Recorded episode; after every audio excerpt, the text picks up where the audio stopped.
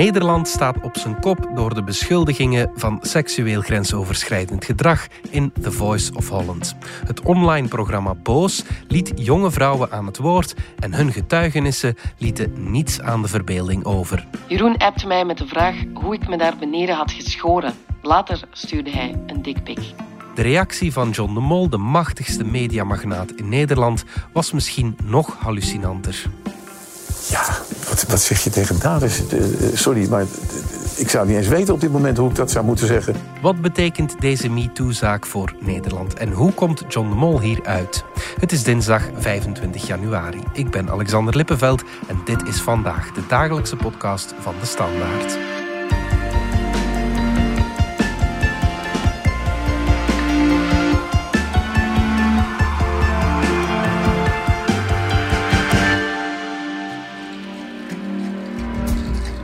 Jeroen vroeg om een nummer. Eerst appte hij zakelijk over het programma, later vroeg hij om foto's. Ook zei hij: Ik ben in dit hotel, kom je langs?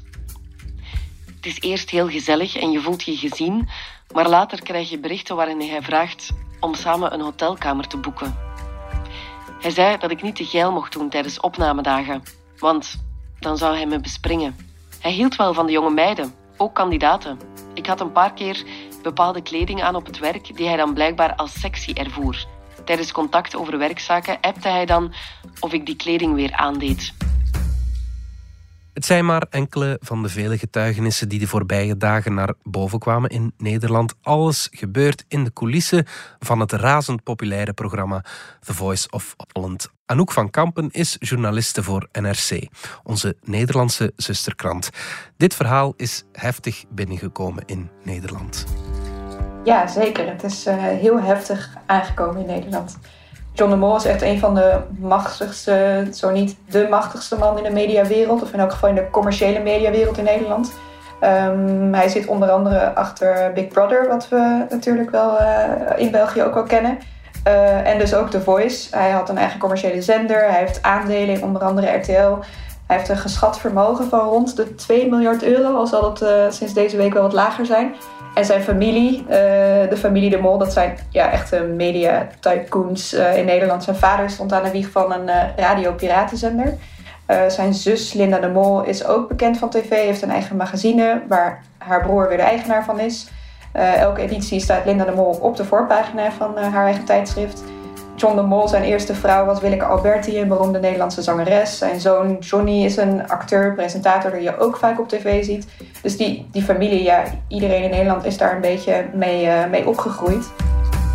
Niet alleen de feiten lokken veel boosheid uit. Eigenlijk is het vooral de reactie van John de Mol waar veel Nederlanders erg boos om zijn.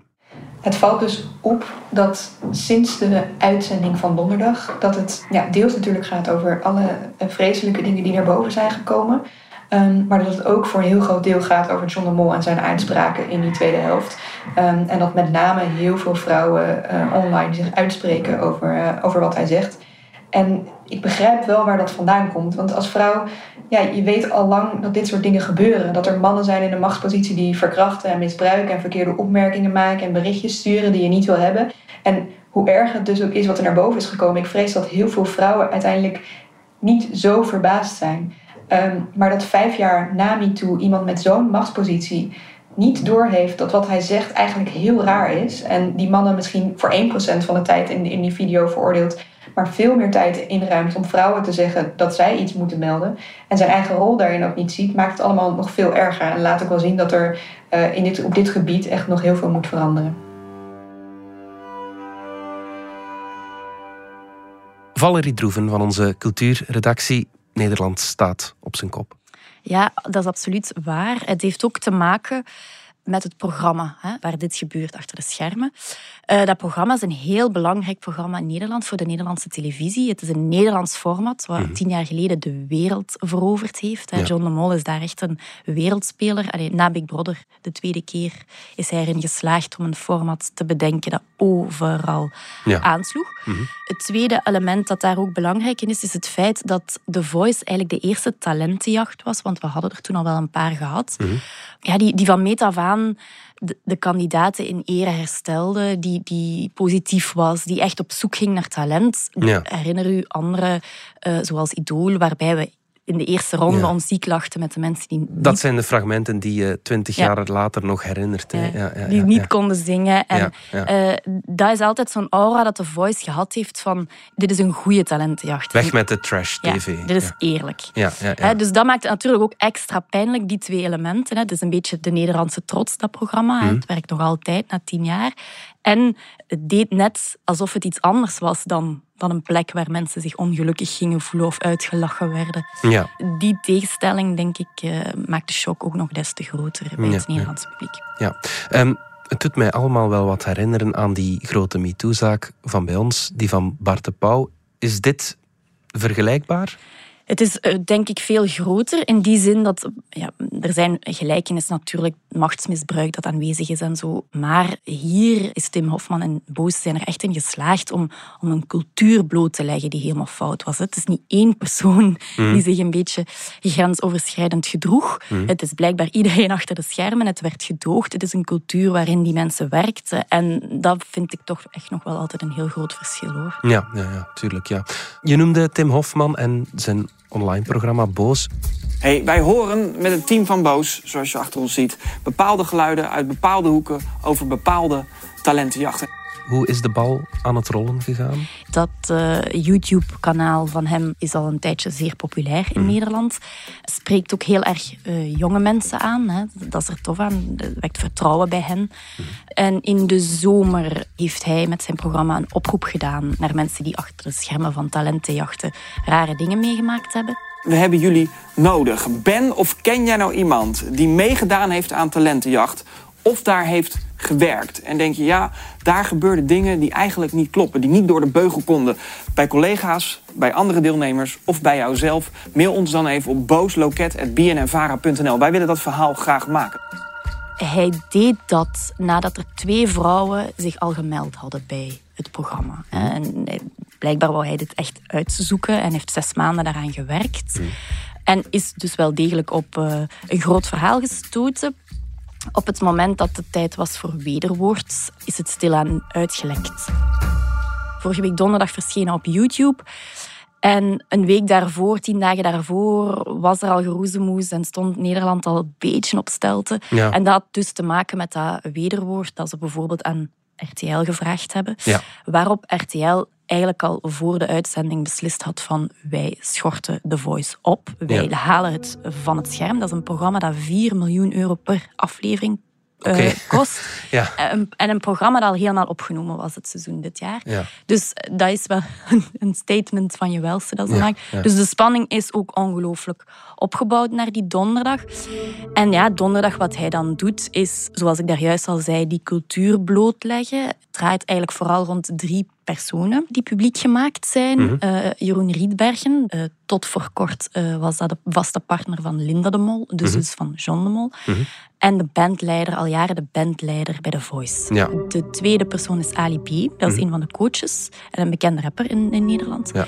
En de derde is Marco Borsato, ja. die vooral in zijn hoedanigheid van coach bij The Voice Kids zich zou misdragen hebben. En dan is er nog een vierde persoon, waarvan de naam niet bekend gemaakt is, omdat hij geen publiek figuur is. En dat is een regisseur. Ja. Daar zijn 15 meldingen tegen binnengekomen. En van waar worden zij dan beschuldigd? Ali B, echt van verkrachting. Hè. Hij zou het vers gegaan zijn. Rietbergen, handtastelijkheden, dus aanranding, het versturen van ongepaste, grensoverschrijdende WhatsAppjes, mm tot en met dickpics. Dus het ging ook wel echt bij hem redelijk ver. Mhm. Marco Borsato wordt ervan beschuldigd echt aan uh, minderjarige meisjes gezeten te hebben en aangeraakt op, op, aan hun billen, aan hun heupen. Mhm.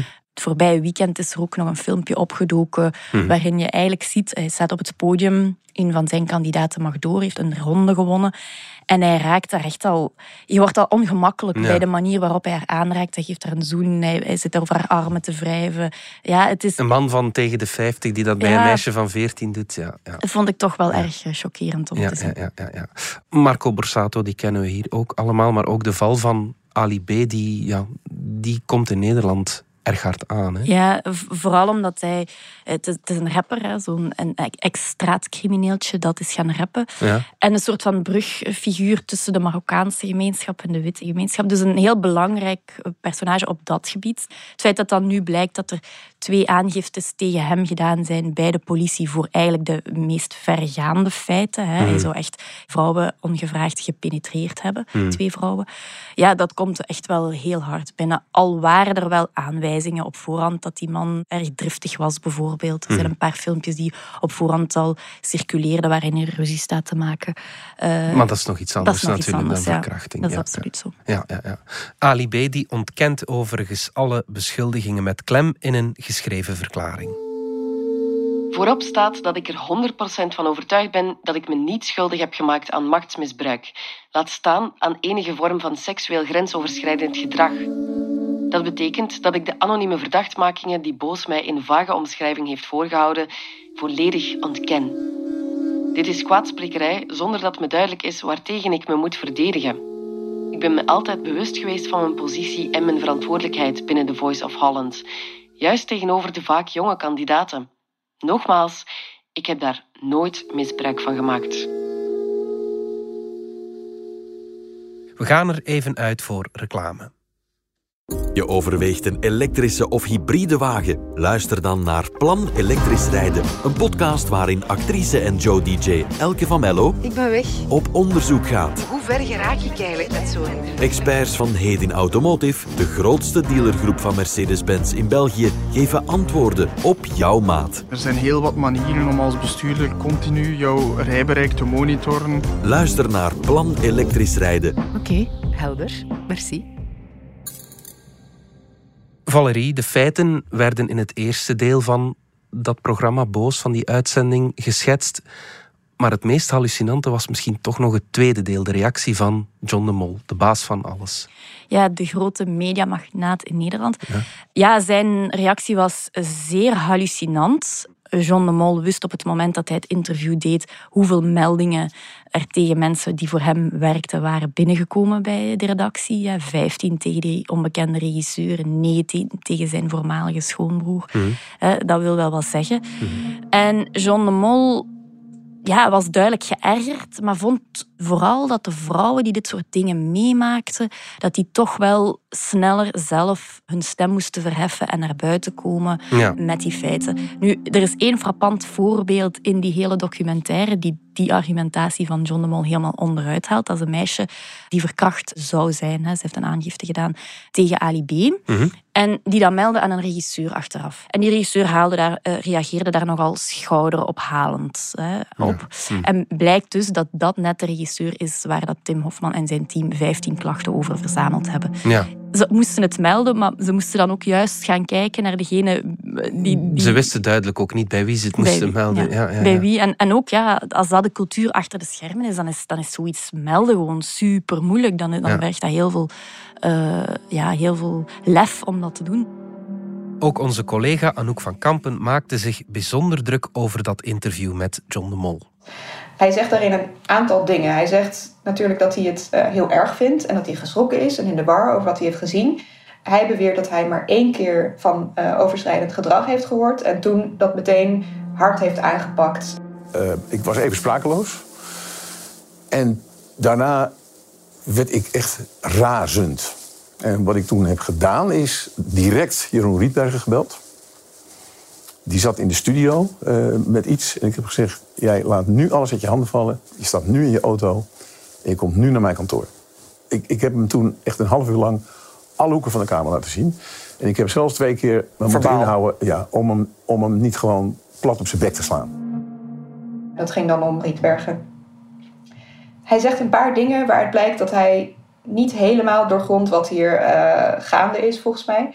Enerzijds zegt hij, uh, onder andere over zijn ex-schoonbroer Jeroen Rietbergen. Hij zegt, die had geen echte machtspositie. Hij had eigenlijk niet zoveel te zeggen over of die vrouwen wel of niet naar een volgende ronde in de Voice gingen. Als je tegen iemand zegt, joh, ik uh, kan zorgen dat jij de finale haalt. Ik roep naar iets geks. Ja. en iemand gelooft dat. Maar dat wil niet zeggen dat het waar is. Want Jeroen heeft geen enkele invloed op, uh, op, op hoe ver iemand komt, of iemand doorgaat of niet, of wat dan ook. Daar heeft hij totaal geen invloed op.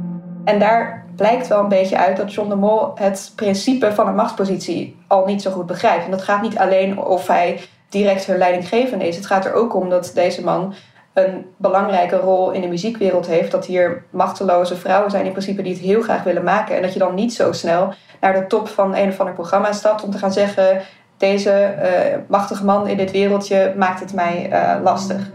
Anderzijds zegt de mol: ik wist helemaal van niets.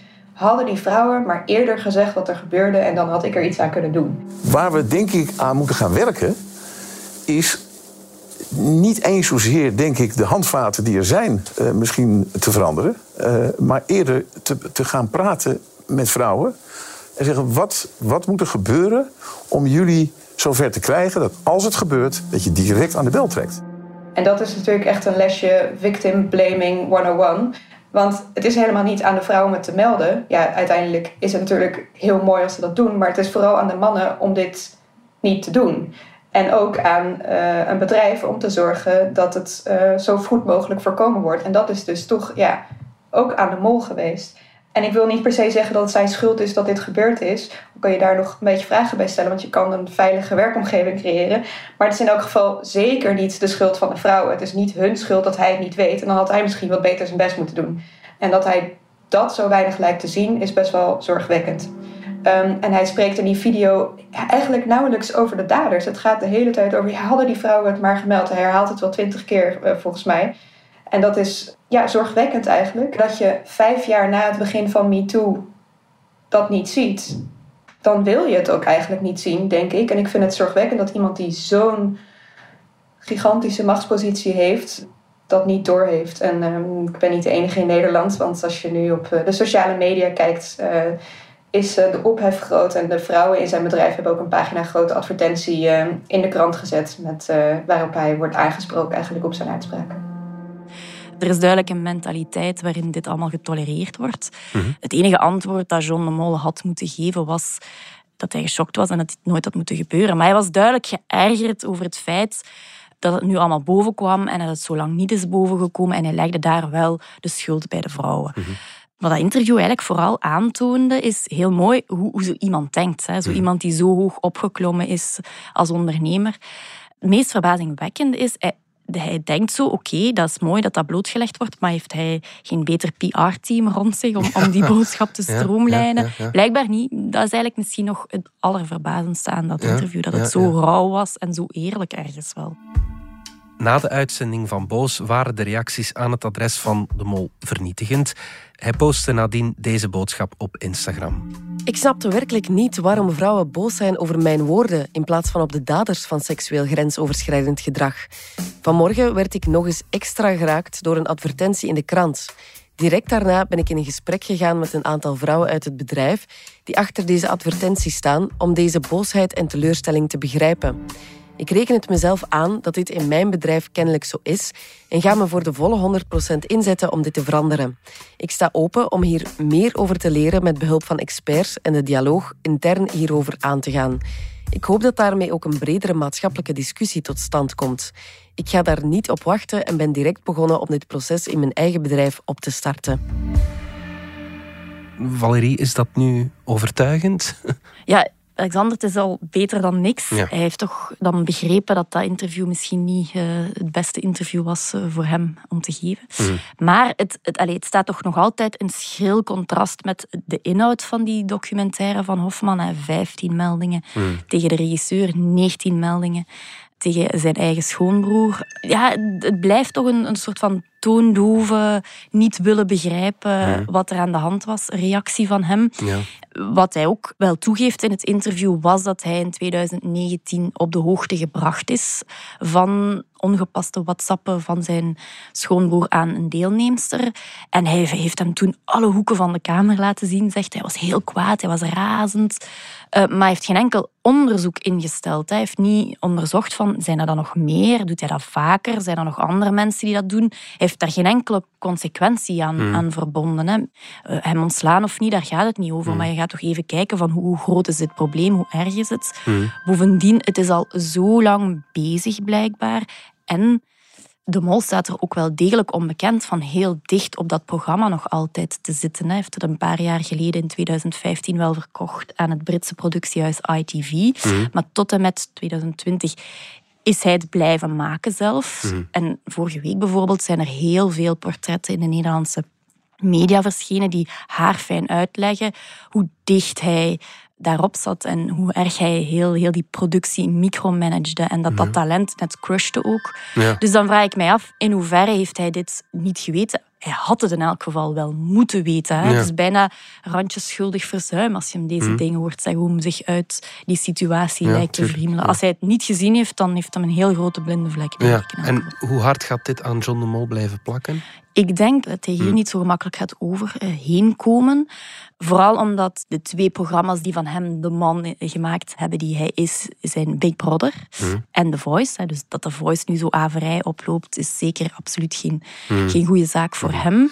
Kunnen er ook zakelijke, financiële gevolgen zijn voor, eh, voor John de Mol? Ja, eh, dat, dat kan ook zeker nog een pijnlijke kwestie Mhm. worden. Eh, in 2015 heeft John de Mol eh, het format van The Voice in Nederland verkocht aan ITV, de Britse productiemaatschappij die ook actief is in Nederland. Mhm. Hij is actief gebleven bij het programma tot 2020. Tot vorig jaar is er nog een, een rechtszaak geweest rond die verkoop. Waarna ITV John de Mol nog 150 miljoen euro extra heeft moeten Hmm. betalen. Ja, ja, ja. Wat maakt dat in totaal John de Mol 900 miljoen euro gekregen heeft voor die deal. Nu zou ITV wel kunnen zeggen, ze hebben dat voorlopig nog niet gedaan, maar het zou wel kunnen.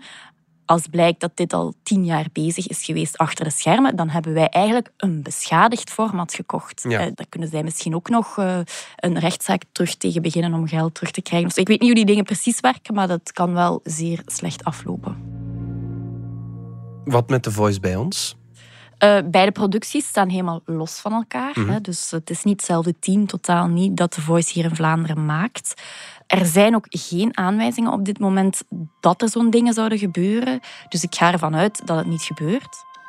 We luisteren even naar bandleider Hans Franken van The Voice in België. Ja, wij zijn wel verbonden aan, aan het merk The Voice natuurlijk. En we willen niet dat dat hier ineens begint te borrelen van gebeurt dat hier ook al. Maar wij zijn met, met kandidaten bezig. Wij doen daar, met alle respect wordt daarmee gewerkt. Die mensen die, die jagen dromen na, ja, die zijn fragiel. Eh, wij willen daar in alle vormen voor zorgen dat dat blijft zoals het was. Dat wij dat al tien jaar doen bij al The Voice. En eh, wij werken met alle respect met die kandidaten. En we willen dat dat zo blijft, dat die naam niet in Vlaanderen ook besmeurd wordt. Want die productie is totaal verschillend. Is het ja, typisch dat dit hele verhaal over The Voice in Nederland, wat buiten de klassieke media naar buiten is gekomen, in een online programma als Boos? Om te beginnen wil ik daar even over zeggen, het is he- niet helemaal buiten de klassieke media. Boos is eigenlijk ingebed in BNN-VARA. Dus er zit wel een soort van kennis en know-how achter die groot en belangrijk is.